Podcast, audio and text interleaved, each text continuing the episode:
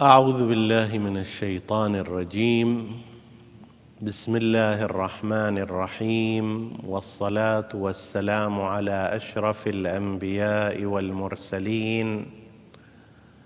سيدنا ونبينا أبي القاسم المصطفى محمد وعلى أهل بيته الطيبين الطاهرين.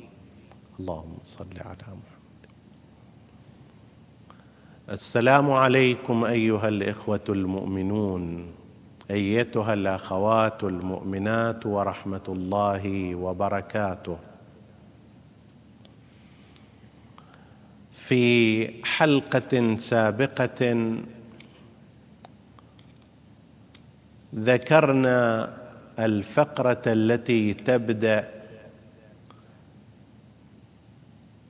بقول الإمام في الدعاء أنت كهفي حين تعيني المذاهب.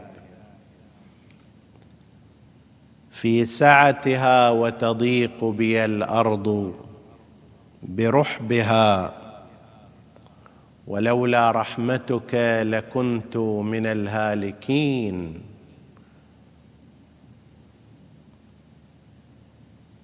وأنت مقيل عثرتي ولولا سترك لكنت من المفضوحين إلى آخر تلك الفقرة. الجميل في الأمر أن فقرات هذا الدعاء وجدناها لدى الأنبياء السابقين ووجدناها لدى الأئمة المعصومين عليهم السلام.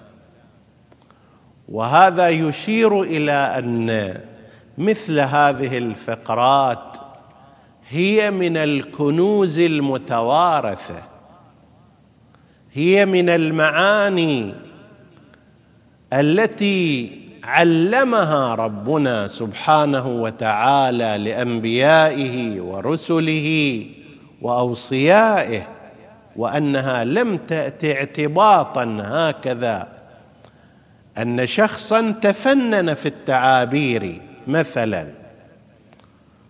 كلا وإنما هي مما اختص الله به خاصة أوليائه. هذا ما يعتقده الاماميه وهذا أحد الفروق. الدعاء هو جزء من العلم بالله عز وجل. هو فرع من معرفة الخالق. وليس كل الناس يعرفون خالقهم. المعرفة التي يعرفها خاصة الأولياء والأنبياء. لاحظوا مثلا أن هذا التعبير ورد في كلام أمير المؤمنين عليه السلام كما نقله عنه عدي. ابن ثابت أو ابن حاتم. هناك ترديد. ولعل الحادثة متكررة. يقول دخلت على أمير المؤمنين علي عليه السلام حتى صلى ركعتين. أوجزهما وأكملهما. ثم سلم ثم سجد سجدة أطالها. فقلت في نفسي نام والله. لما سجد سجدة طويلة وكان من خصائصهم عليهم السلام أنهم أصحاب سجدة طويلة. وما عبد الله سبحانه وتعالى بشيء من الخضوع كالسجود.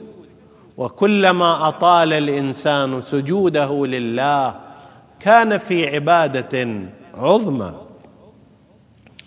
فقلت في نفسي يقول الراوي نام والله ثم رفع رأسه ثم قال لا إله إلا الله حقا حقا لا إله إلا الله ايمانا وتصديقا لا إله إلا الله تعبدا ورقا. يا معز المؤمنين بسلطانه يا مذل الجبارين بعظمته أنت كهفي حين تعييني المذاهب. عند حلول النوائب فتضيق علي الأرض برحبها. أنت خلقتني يا سيدي رحمة منك لي. ولولا رحمتك لكنت من الهالكين. وأنت مؤيدي بالنصر على أعدائي ولولا نصرك لكنت من المغلوبين. هذا أول الأوصياء بعد رسول الله صلى الله عليه وآله. وعندما نجد إلى وعندما نأتي إلى الإمام المهدي الحجة بن الحسن عجل الله تعالى فرجه الشريف فإنه ينقل عنه أمير المؤمنين عليه السلام. وهذه فيها لفته أن قضية المهدي والحديث عن هذا الإمام وعن غيبته وعن ظهوره وعن تفاصيل ذلك كان من زمان رسول الله ومن زمان أمير المؤمنين عليه السلام. فلا يأتي بعد ذلك متحذلق لكي يقول مثلا أن الشيعة ابتكروا هذه الفكرة. أو صابهم إحباط سياسي فتعلقوا بأمل. أو أن قسما من السفراء والوكلاء لكي يحافظوا على الوضع الموجود اطلعوا لهم فكرة المهدي. الحديث قبل ولادة المهدي بقرنين من الزمان ونصف. هذا الإمام أمير المؤمنين يتحدث عن بعض تفاصيله فيذكر حتى دعاءه المشابه. لهذا الدعاء الذي قرأناه يقول كأني به. يعني بالمهدي. لأنه في أثناء الحديث طويل عن الإمام المهدي. كأني به قد عبر من وادي السلام النجف الأشرف إلى مسجد السهلة في الكوفة على فرس محجل له شمراخ يزهو ويدعو ويقول في دعائه لا إله إلا الله حقا حقا لا إله إلا الله ايمانا وصدقا لا إله إلا الله تعبدا ورقا. أنت كهفي حين تعييني المذاهب على سعتها حين تعييني المذاهب وتضيق بي الأرض بما رحبت إلى آخر الدعاء.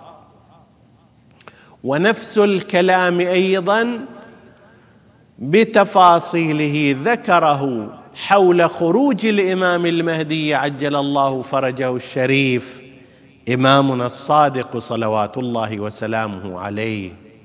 ثم يسترسل الإمام الحسين عليه السلام في هذا الدعاء فيقول يا من لا يعلم كيف هو إلا هو يا من لا يعلم ما هو إلا هو يا من لا يعلم ما يعلم إلا هو.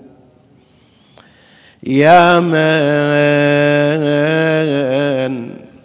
يا من كبس الأرض على الماء وسد السماء بالهواء وسد الهواء بالسماء يا من له أكرم الأسماء. يا ذا المعروف الذي لا ينقطع أبدا. يأتي إمامنا الحسين عليه السلام ليقول للعلماء والباحثين لا تفتشوا عن ذات الله.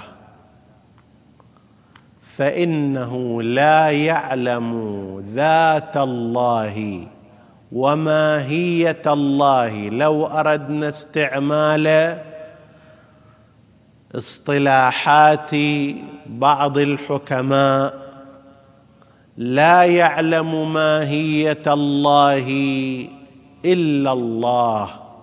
لا يعرف ذات الله إلا الله.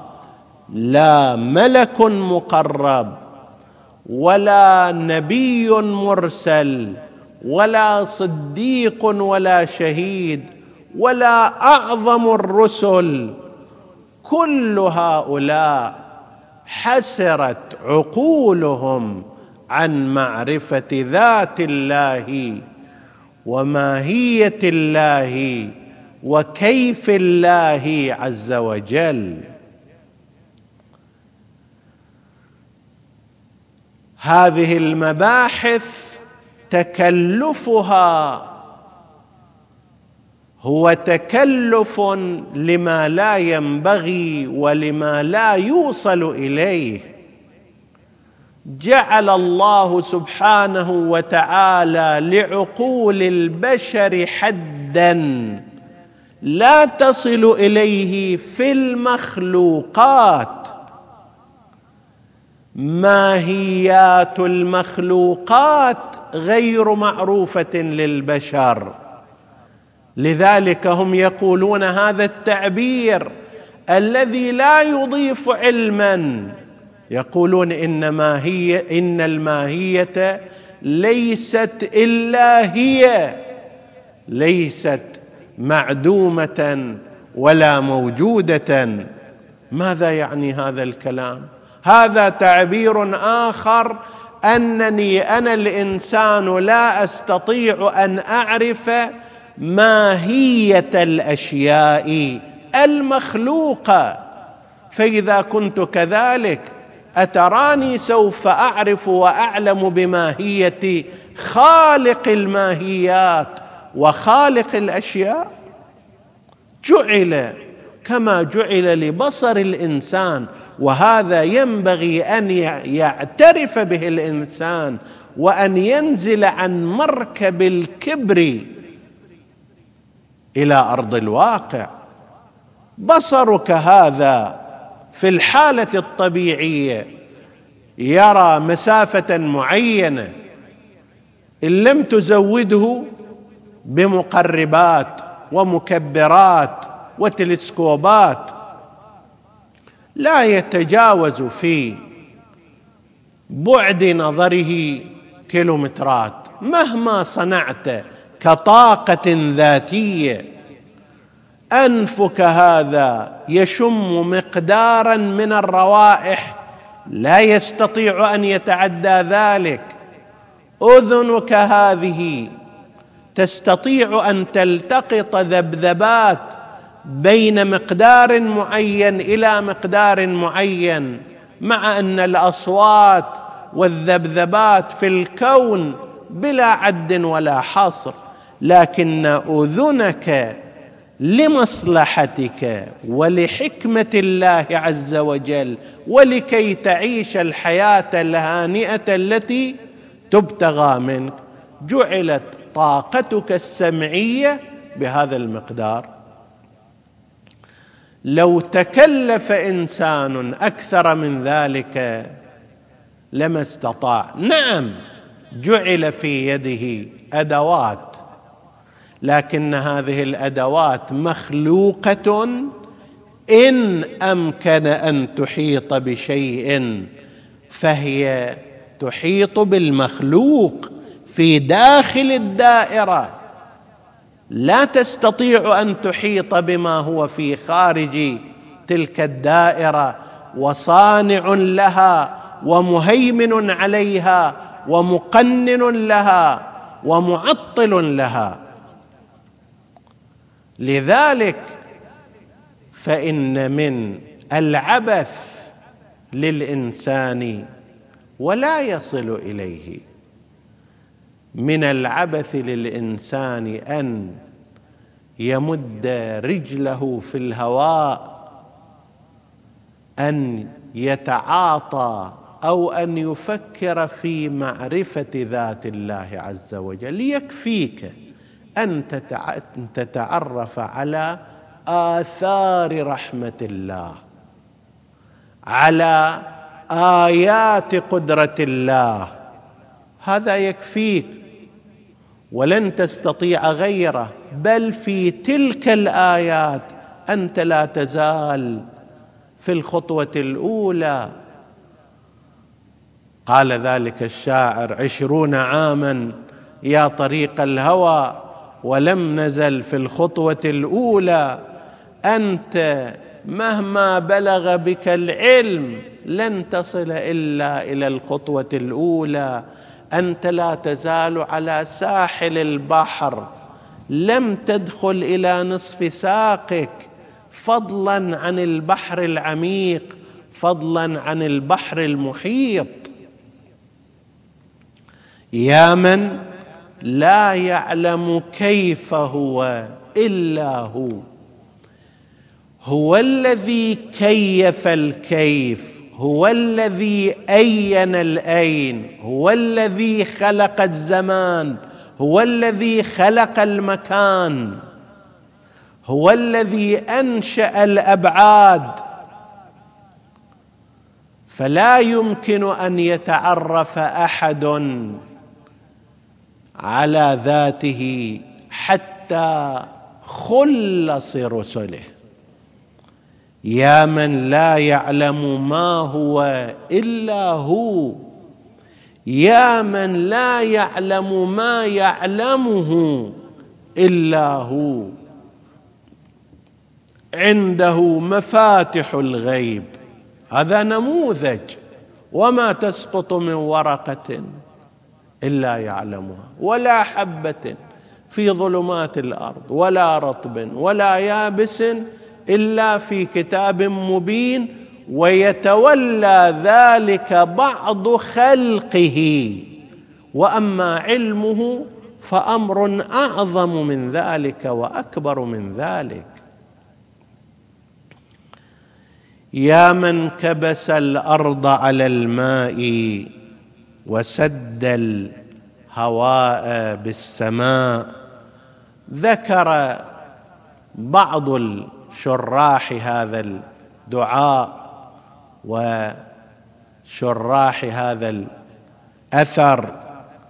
هذا القول كبس الأرض كما في مرآة العقول للعلامة المجلسي رضوان الله عليه. قال كبس الأرض على الماء. أي أدخلها فيه فيكون بمعنى قولهم كبس رأسه في ثوبه أي أخفاه وأدخله فيه أو جمعها كائنة على الماء. كأن في هذا إشارة إلى تلك العلاقة المتبادلة بين الأرض بمعنى السطح اليابس وبين الماء الذي هو السائل المعروف. هي علاقة عجيبة غريبة من التأثر والتأثير. في نفس الوقت هذه الأرض تحتضن الماء بحيث يشكل النسبة الكبرى من الأرض الماء. ونفسه أيضا عندما يتبخر ويصعد إلى السماء ينزل عليها من جديد لكي يؤثر في هذه البقعة اليابسة فيشق فيها أخاديد وانهارا ويتحول إلى مياه جوفية وإلى ينابيع. ونفسها هذه عندما تنطلق من جديد تنحت في صخور الأرض وتغير طبيعة وجهها وتغير تربتها وتحدث فيها ما تحدث وتنشئ النباتات بل تنشئ وتؤثر في وجود المعادن أو تكشف عنها. هذا التأثر والتبادل بين الماء وبين اليابس في الأرض كله يجري ضمن نظام واحد قد جعل فيه الماء والأرض مكبوسين في بعضهما متداخلين في بعضهما كما يظهر من هذا الكلام والله العالم بحقيقة المراد. من هذه الفقرة وسد الهواء بالسماء. السماء ما فوق الأرض في التعابير الروائية والإسلامية يقال له سماء. هذه المنطقة شحنت وعبئت بالهواء سد فرجها بالهواء. وكان من الممكن أن تكون مفرغة. الأرض بمائها وبتربتها ويابستها كان من الممكن أن تخلق بهذا النحو وأن يكون ما عداها مفرغا من الهواء. لكن الله سبحانه وتعالى سد السماء بالهواء. هذه المنطقة التي تعلو الإنسان وتعلو الأرض جعل فيها الهواء المشتمل على كافة أنواع الغازات المفيدة والنافعة لحياة الإنسان. جعل فيها الأكسجين. ولولاه لما أمكن للإنسان أن يتنفس لذلك احتاج عندما يخرج من هذه المنطقة يحتاج إلى تنفس خاص بوسائل خاصة. جعل فيها لحياة الإنسان هذا الهواء الأكسجين. جعل فيها لحياة النبات ثاني أكسيد الكربون. جعل فيها لبقاء الحياة الأوزون لكي لا تحرق الإشعاعات القادمة من الأفق البعيد لكي لا تحرق الحياة ولكي لا تسبب الأمراض. وما خفي من ذلك هو أعظم وهذا أيضا من نصر الله عز وجل ودفع الله للاخطار عن الإنسان ومن نعم الله وكما ورد في الحد في فقرة سابقة من الدعاء ثم ما خفي عني من دفع الضر والضراء أكثر مما ظهر لي من العافية والبلاء. يا من له أحسن الأسماء أكرم الأسماء لله عز وجل. الجدير ذكره أن هذه الفقرة أيضا والفقرة التي قبلها قد وردت في أخبارنا عن نبي الله يعقوب.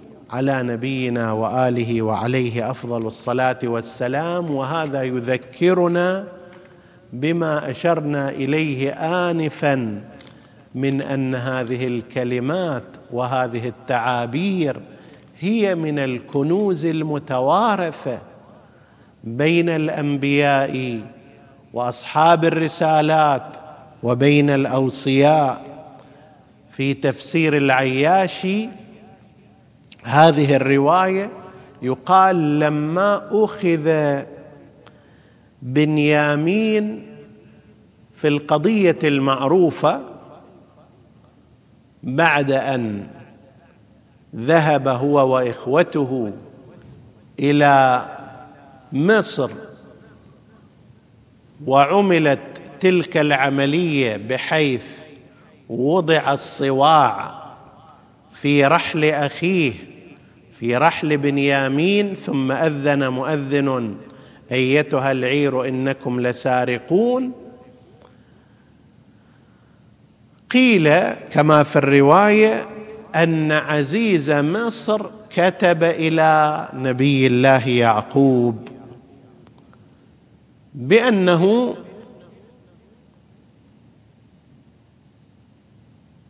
قد تم شراء ابنه يعني يوسف بثمن بخس وكأنه كان فيه نوع من المعاتبة ولم يكشف الكاتب عن شخصية يوسف عزيز مصر.